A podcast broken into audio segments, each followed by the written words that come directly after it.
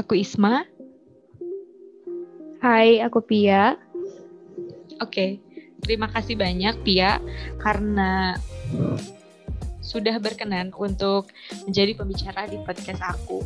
For your information, kita ini banyak banget reschedule-nya buat record sama Pia karena uh, kesibukan kita yang beda-beda. Terus alhamdulillah sekarang kita bisa record. Yay, fine.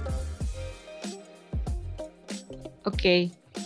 Sebelum kita bincang-bincang, boleh dong Pia kenalin dulu siapa sih Pia itu? Boleh sebutin nama, terus prodi, universitas, sama angkatannya. Oke, uh, kenalin semuanya. Aku Pia dari uh, IPB, Program Studi Manajemen Sumber Daya Lahan atau MSL. Uh, angkatan 2020, kalau di IPB itu masuknya angkatan ke-57. Itu. Wow, angkatan ke-57. Oke, aku mau kenalin juga Pia. Pia sama aku itu kenal di mana sih? Nah, kita itu kenal di salah satu kegiatan gitu. Meskipun kita kita beda ini ya, beda kelas. Beda kelas hmm. belajarnya gitu, tapi kita satu asrama, asrama online. Yes, betul sekali. Dan aku tuh uh, inget yang diinget terus nih dari Pia itu, Pia kalau misalnya lagi bercanda sampai ngakak itu bener-bener ngakak. Tapi kalau misalnya udah serius, wow gitu. Ini siapa sih berwibawa banget gitu. aduh, aduh, aduh, aku malu. Asli, kita kan pernah debat gitu kan. Aku jadi inget terus gitu. Oke. Okay. Okay.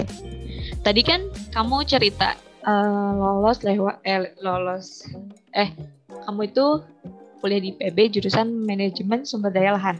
Nah, boleh gak diceritain? Yep. Kamu lolos ke IPB itu jalur apa sih?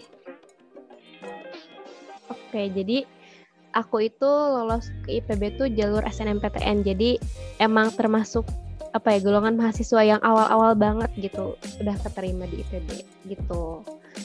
Uh, untuk prodinya sendiri manajemen sumber daya lahan mungkin uh, teman-teman yang dengar podcast ini ngerasa bingung gitu kan. Ini tuh jurusan apa sih sebenarnya? Nah, sebenarnya MSL ini tuh uh, awalnya namanya adalah ilmu tanah dan sumber daya lahan. Jadi kalau misalkan teman-teman cari di UNIF atau kampus lain, namanya itu ilmu tanah gitu. Itu sih sekilas informasi tentang jurusan dan jalur masuk aku sekarang. Oke, okay. Emang sih waktu aku nanya Pia juga pas awal tuh agak-agak asing gitu. Kalau boleh tahu nih ya, Pia sendiri kenal ke prodi ini sejak kapan? Hmm, jadi gini, aku itu termasuk tipikal siswa pada saat itu yang plan-plan banget dalam memilih jurusan. Ya mungkin ada juga ya teman-teman yang merasakan pelin-pelan gitu saat milih jurusan. Ya itu normal sih sebenarnya. Cuman aku tuh kayak bener-bener pelin-pelan banget kayak hari ini aku pilih pengen masuk ke gizi gitu kan. Terus besoknya pengen ke kimia, besoknya lagi ganti lagi ganti lagi gitu. Sampai teman-teman sama orang tua aku tuh bingung sebenarnya aku tuh pengen kuliahnya tuh di mana sih gitu. Nah, pada saat itu karena aku ini adalah orang yang punya ketertarikan dalam banyak bidang, aku coba untuk menganalisis diri sendiri sebenarnya ketertarikan aku yang paling besar itu ada di mana sih? Nah setelah aku lihat-lihat ternyata dari dulu aku suka banget sama hal-hal yang berbau dengan lingkungan gitu. Nah cuma masalahnya eh, program studi yang berkaitan dengan lingkungan itu ada banyak banget gitu kan. Kayak kita bisa ngambil teknik lingkungan, bisa ngambil ilmu lingkungan. Di kimia pun bisa sebenarnya dan masih banyak lagi jurusan yang berkaitan dengan lingkungan. Nah, cuman waktu itu aku tuh udah naksir banget ke IPB gitu kan. Ya udah deh, akhirnya aku nyari jurusan yang berbau lingkungan yang ada di IPB. Awalnya itu aku mau masuk ke kehutanan. Nah, cuma gara-gara orang tua aku kayak gak ngizinin gitu kan, apalagi cewek harus masuk ke kehutanan. Akhirnya aku nyari kira-kira jurusan mana nih yang uh, bisa untuk apa ya mewadahi minat aku di lingkungan sekaligus diizinin sama orang tua juga. Akhirnya aku lihat ternyata di Faperta ini ada uh, jurusan manajemen sumber daya lahan gitu. Terus aku research um, tentang jurusan prospek kerja dan sebagainya. Uh, ternyata cocok sama aku. Akhirnya setelah aku nanya ke cutting, konsul sama guru BK, sama orang tua juga, akhirnya aku milih MSL untuk jadi prodi aku di SNMPTN itu gitu ceritanya oke menarik menarik karena emang bener banget. Eh, nggak uh, hanya pria gitu kan. Seusianya kita waktu SMA apalagi kelas 12 itu masa-masa yang plan plan hari ini pengen ini hari ini pengen itu. Tapi akhirnya betul, betul. Uh, yang aku kagum dari Pia itu kayak berhasil untuk mengidentifikasi diri sendiri gitu loh. Nice. Mm -hmm Hmm, Oke, okay. tadi sempat dia bilang aku pengen IPB, IPB, IPB gitu kan, pengennya ke IPB. Mm-hmm. Nah, emang kamu apa nih alasannya? Kenapa pilih IPB? Atau karena deket sama rumah kamu kah? Eh, kamu udah domisili di mana deh? Aku Garut, sedangkan IPB Bogor kan, jauh banget sih sebenarnya. Bener. Jadi sebenarnya tuh aku tuh dari dulu pengen banget kuliah di tempat yang jauh gitu kan, kayak pengen ke Semarang waktu itu sempat. Terus uh, pengen ke Jogja juga gitu kan. Cuman karena emang jauh banget gitu aku mikir kayak ini kira-kira kampus mana ya yang aku tuh tetap bisa jauh dari rumah tapi gak jauh-jauh banget gitu. Tetap diizinin sama orang tua juga. Akhirnya uh, waktu itu mama aku sempat rekomend IPB gitu kan karena ada salah satu kenalannya lah yang uh, dia itu kuliah di IPB terus dapat uh, S2 ke luar negeri juga. Terus aku kayak awalnya mikir kayak aduh ini pertandingan bakal jadi apa nih? Kuliah tuh bakal kayak gimana? Gitu kan. Gak kepikiran banget gak kepikiran gak kepikiran sama sekali waktu itu mau IPB nah cuman uh, waktu itu ada salah satu kakak kelas aku yang rekomendasiin gitu. Pi ke, ke IPB aja bakal cocok kayaknya gitu. Ya udah deh aku coba research kan di situ. Ternyata IPB itu uh, jadi kampus yang apa ya? Pertama jurusannya itu nggak akomodate uh, minat aku di pertanian, terutama lingkungan ya. Nah terus selain itu IPB juga uh, ngasih uh, apa ya tempat belajar yang sangat luas buat mahasiswanya. Gak cuman belajar lewat perkuliahan di kelas doang, tapi juga ada kegiatan-kegiatan lain yang emang support banget atau apa ya ngedukung banget mahasiswanya untuk bisa berkembang gitu. Aku lihat kayak ada student exchange, terus uh, course-course lain yang emang mendukung mahasiswanya untuk berkembang. Akhirnya setelah mempertimbangkan banyak hal akhirnya aku pilih IPB gitu jadi kampus aku sekarang gitu. Oke okay. bener-bener. Aku aku kan kenal salah satu kakak tingkat di IPB gitu kan. Terus kemarin aku lihat di snapgramnya tuh dia lagi ke Korea gitu. Gak tahu sih kegiatannya apa exchange atau apa. Tapi keren banget. Terus aku ada yep. beberapa temen juga di IPB keren keren. Oke okay. tadi Pia sempat bilang bahwa di IPB itu uh, tempatnya tempat atau kuliah di IPB itu nggak hanya untuk kuliah tapi ngasihin hal-hal lain uh, selain kuliah. Nah, aku pengen hmm. berbicara lebih apa ya? Lebih spesifiknya kita pembicaraannya adalah tentang kuliah. Hmm. Kita udah eh, Pia udah jelasin tentang gimana akhirnya Pia mengidentifikasi pilih prodi yang Pia pilih, kemudian universitas yang Pia pilih seperti apa kayak gitu. Namun aku pengen balik jauh ke belakang. Apa sih yang dipikirin Pia nih ketika lulus SMA dan kenapa sih harus kuliah gitu? Oke, okay. kalau ngomongin tentang kenapa aku kuliah, ya sebenarnya waktu akhir kelas 12 itu aku tuh kayak ngerasa gak punya option lain untuk melakukan hal lain gitu. Kayak di otak aku tuh uh, ya udah beres sekolah aku kuliah gitu kan. Karena uh, aku sendiri adalah tipikal orang yang senang untuk belajar senang untuk dapat ilmu baru. Jadi uh, melihat ketertarikan aku di situ ya akhirnya aku memutuskan untuk kuliah. Nah tapi masalahnya uh, banyak orang berpikir bahwa kuliah ini tuh akan jadi hal yang wajib buat tiap orang padahal buat aku sendiri yang namanya kuliah itu jadi salah satu option bagi seorang individu untuk bisa mengembangkan dirinya gitu. Artinya kalau misalkan kamu merasa bahwa kuliah itu tidak dibutuhkan oleh diri kamu, that's all just fine. Gak apa-apa, benar-benar gak apa-apa gitu.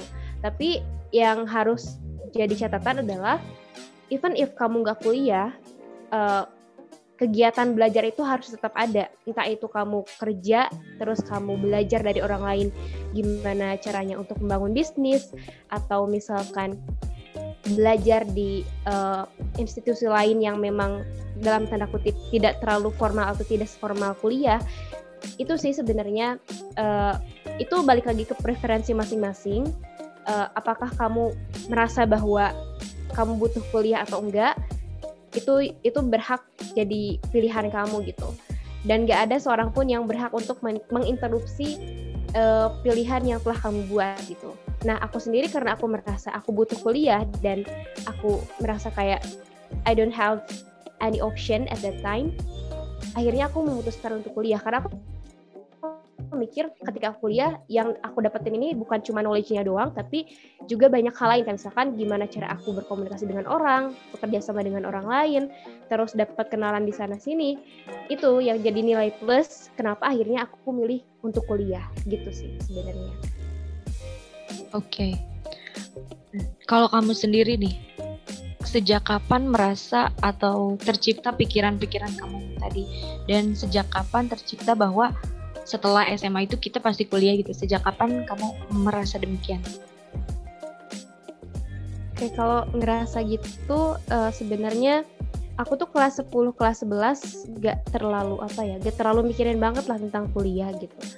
Uh, cuman yang pasti aku aku pengen aku pengen kuliah gitu. Cuman aku nggak tahu nih ke depannya aku bakal kayak gimana gitu. Nah pas kelas 12 aku tuh ngelihat uh, ada teman-teman aku yang memang tidak melanjutkan untuk kuliah. Terus aku ngelihat mereka kayak ya happy happy aja gitu loh kayak uh, even if mereka gak kuliah tidak terlihat dalam raut wajah mereka bahwa mereka menyesal atau mereka gak happy dengan pilihan mereka. Dari situ aku sadar bahwa oh iya ya ternyata nggak nggak semua orang bisa dipaksa untuk kuliah, nggak bisa nggak semua orang bisa dipaksa untuk melanjutkan uh, pendidikan sesuai dengan uh, stereotip stereotip uh, masyarakat atau orang banyak bahwa ketika lu lulus uh, sekolah it means uh, it automatically drives you to uh, into the college gitu. Nggak nggak semata-mata sederhana itu ternyata. Setiap orang emang punya preferensinya masing-masing sih. Aku lihat itu dari teman-teman aku yang memang uh, mereka memilih untuk tidak melanjutkan pendidikan. Gitu mak. Oke okay. kalau berbicara tentang lingkungan tentang alasan kenapa pikiran kita terbentuk itu tentu saja dari lingkungan gitu kan. Terus kak ya, dia akhirnya merasa bahwa kuliah itu adalah option itu melihat dari teman-temannya. Jadi aku hmm. kalau boleh cerita ya, kalau eh, yang ada di pikiran aku kenapa harus kuliah karena itu adalah udah pattern yang terbentuk di lingkungan kita. Bahwasannya kita udah lulus SD, SMP, SMA pasti kuliah. Itu yang ada di otak aku sejak dulu. Sehingga ya, aku nggak pernah gitu merasa uh, nanti aku di kuliah akan dapat apa itu tuh pikiran yang apa ya pikiran yang ngikut gitu ketika aku cari tahu tentang kuliah itu sendiri. Tapi pada awalnya aku merasa bahwa kuliah itu adalah pattern. Itu adalah suatu hal yang ada di lingkungan. Ketika kita enggak kuliah, itu kita menyalahi lingkungan, menyalahi pattern yang ada di lingkungan. Sehingga waktu aku um, pertimbangan untuk lolos apa pun nih lolos. Uh, maksudnya ikut seleksi apa pun yang pikiran aku adalah nanti kalau aku nggak lolos aku nggak kuliah aku mau apa gitu. Aku nggak ikut pattern yang ada di lingkungan aku mungkin akan dianggap aneh gitu karena nggak ikut pattern yang ada di lingkungan. Tapi setelah uh, apa ya berjalannya waktu gitu akhirnya kita ngerti bahwa kuliah nggak hanya sekedar sekolah aja nggak hanya belajar aja. Bener kata Pia aku setuju gitu bahwa kita akan mendapatkan knowledge lain selain belajar itu sendiri. Nah, selanjutnya aku pengen uh, tahu nih gimana tanggapan Pia tentang uh, isi kepala aku yang tadi aku ceritain bahwa ya kuliah itu adalah pattern yang ada di lingkungan gitu. Hmm, menarik menarik. Uh, sebetulnya itu adalah pola pikir yang yang pasti ada di hampir semua masyarakat Indonesia gitu lah ya. Aku bisa bilang, aku ber bisa berani bilang kayak gitu karena lingkungan aku pun uh, apa ya, kebanyakan mikir kayak gitu kan. Kayak kalau misalkan lu gak kuliah, terus mau ngapain habis habis sekolah gitu, mau kerja. Terus kalau misalkan kerja, emang itu bakal menjamin bahwa lo, akan bahagia gitu kan.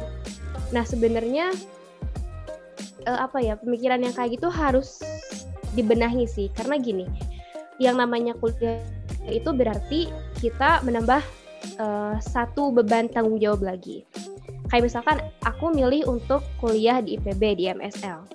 Berarti ketika aku memutuskan untuk kuliah di sana, aku udah deal with the with uh, kenyataan bahwa aku harus bisa menyelesaikan uh, pendidikan aku dengan baik gitu.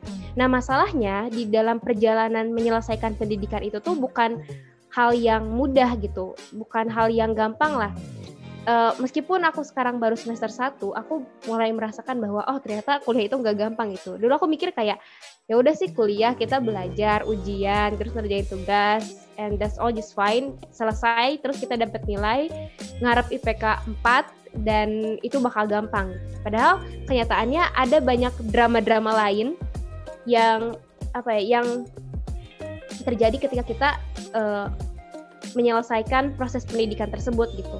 Dan itu yang harus sudah diketahui oleh orang-orang yang memutuskan ingin kuliah.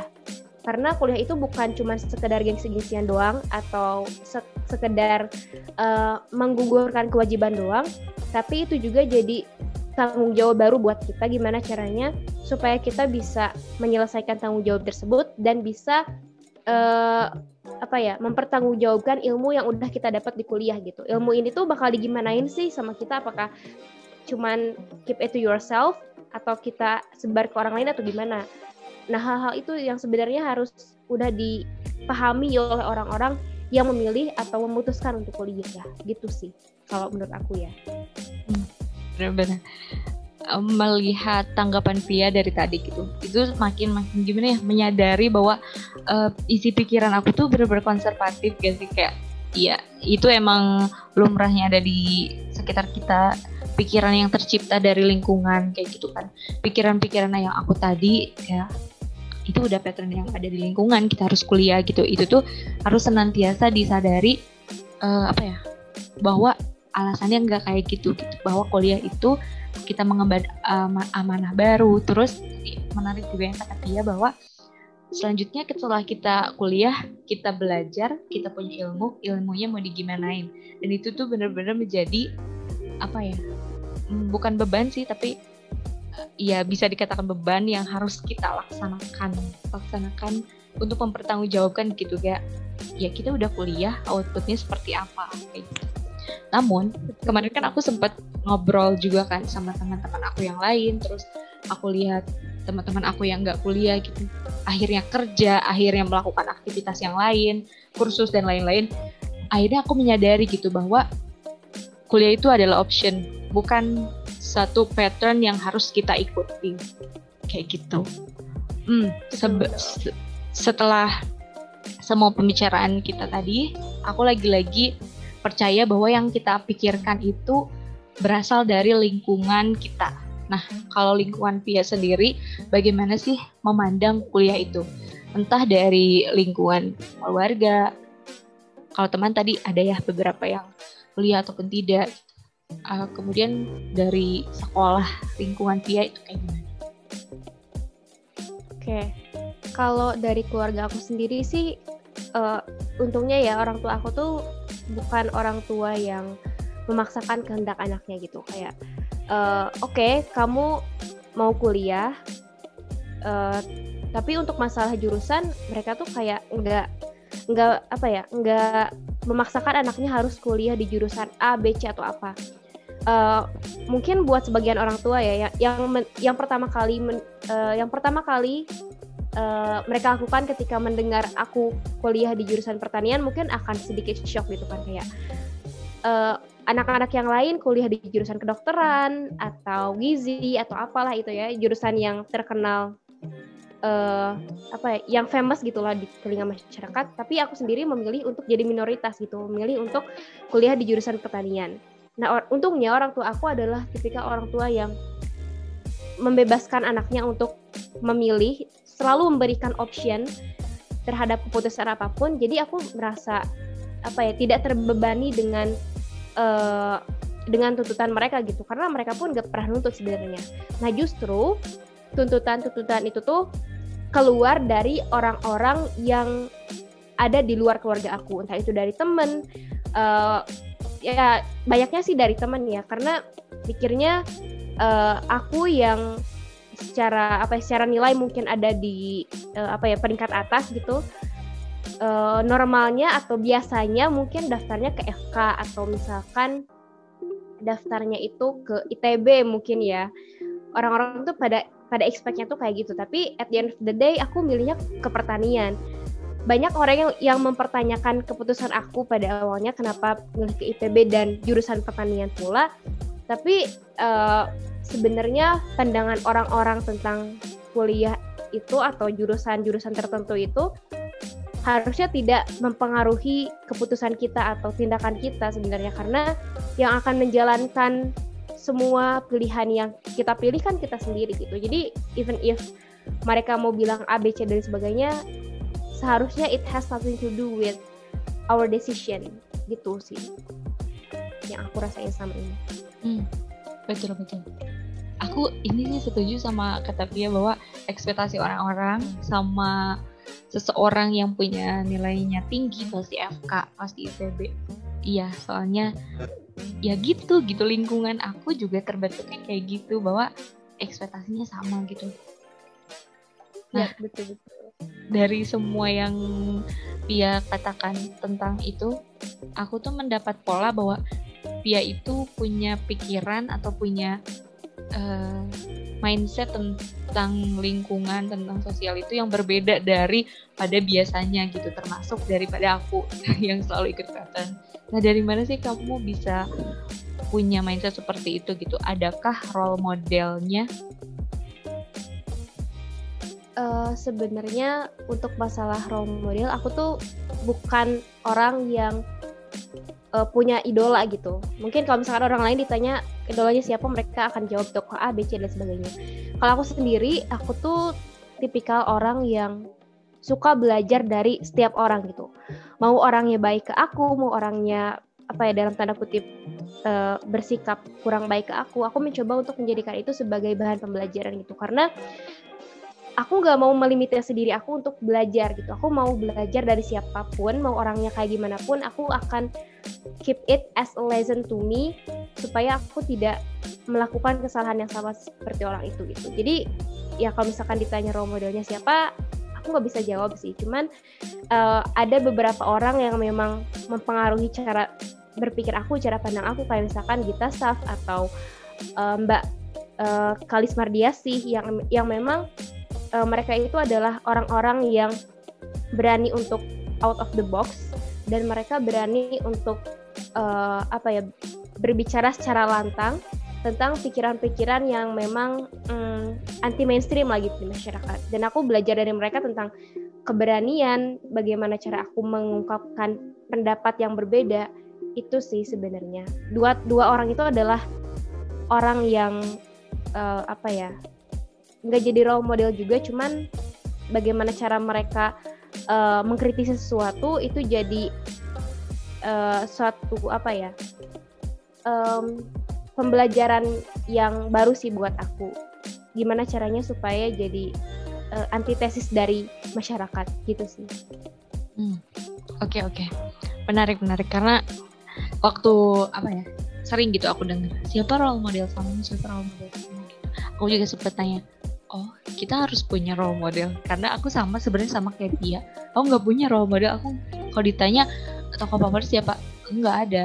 Ya udah aku jadi diri aku sendiri. Terus aku kayak istilahnya nyontek nyontek yang baik dari orang. Terus aku terapin dari diri ke diri sendiri. Oke. Okay. iya, iya. dari semua pendapat-pendapat kita uh, atau bincang-bincang kita tentang kuliah gimana nih? Uh, sekarang kan lagi kelas 12 tuh lagi gencar-gencarnya gitu untuk kuliah.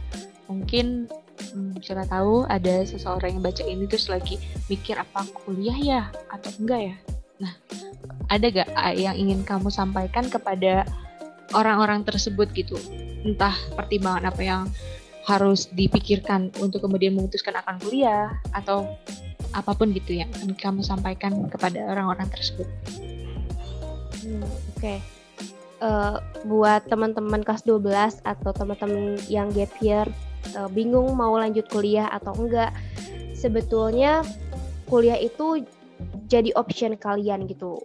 Whether kalian mau kuliah atau enggak uh, kalian harus make sure bahwa uh, decision yang kalian buat itu uh, kalian buat dengan sesadar mungkin tanpa tekanan dari siapa pun dan semerdeka mungkin gitu. Karena uh, apa ya pilihan untuk kuliah itu atau keputusan untuk kuliah itu bukan keputusan yang main-main gitu loh kayak kalian istilahnya mempertaruhkan empat tahun di hidup kalian yang kurang lebih bakal menentukan ke depannya tuh kalian tuh bakal kayak gimana gitu.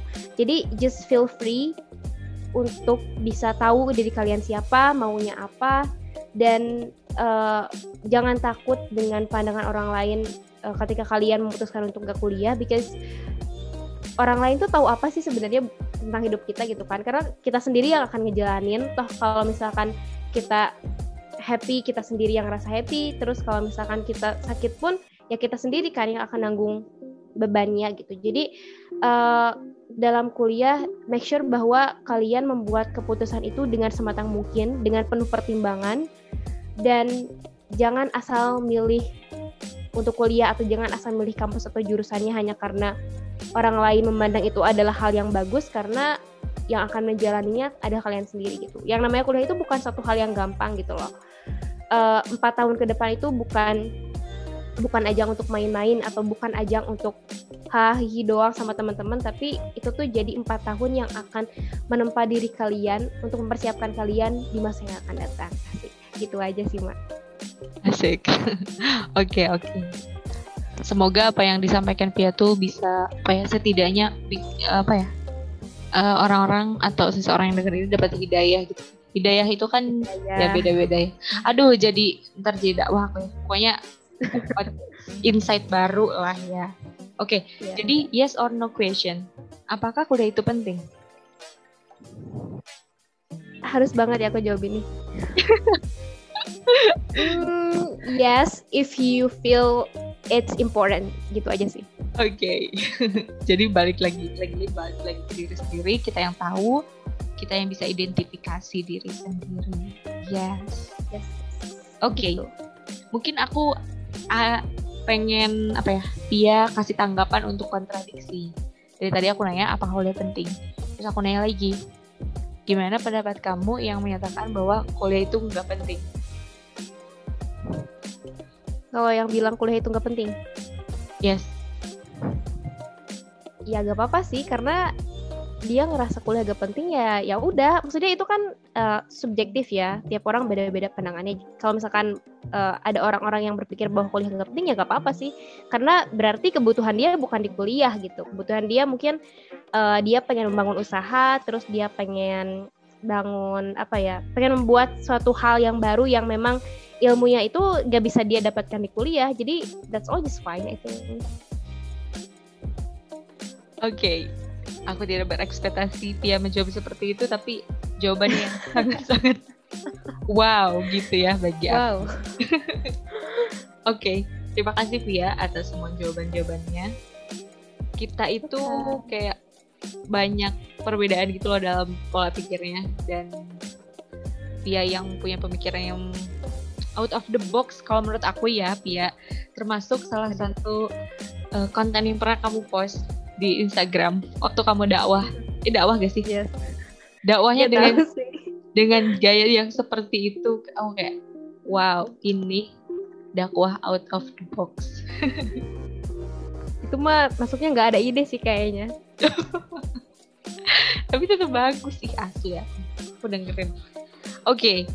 kita udah banyak banget berbincang, udah banyak berpendapat dan lain sebagainya aku pengen Pia kasih closing statement dong atas semua hal yang kita bicarakan hari ini. Oke. Okay.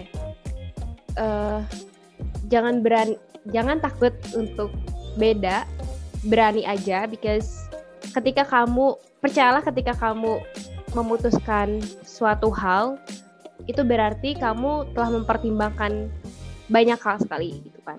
Jadi never be afraid to be different because it's your own choice. Oke, okay, bagus banget. Bagus banget kalimatnya dan itu kayak ke aku juga hey Isma gitu kayak yang ngomong ke aku juga. Nampol. nampol iya kalimatnya jadi nampol. Oke, terima kasih Pia atas jawaban-jawabannya. Terima kasih juga atas segala halnya. Terima kasih buat teman-teman yang udah dengerin ini. Kayaknya cukup sekian obrolan aku sama Pia yang direcord. Mohon maaf atas kesalahan-kesalahannya. Kayaknya aku banyak salah atau banyak uh, pemilihan kalimat yang kurang berkenan gitu. Aku mohon maaf. Semoga ada hikmah, ada sesuatu hal yang baru lah dari apa yang didengerin dari obrolan aku sama Pia. Oke, okay, thank you buat teman-teman yang udah dengerin dan dengerin aja dulu. Siapa tahu suka. Asik. Asik. Bye bye. Bye.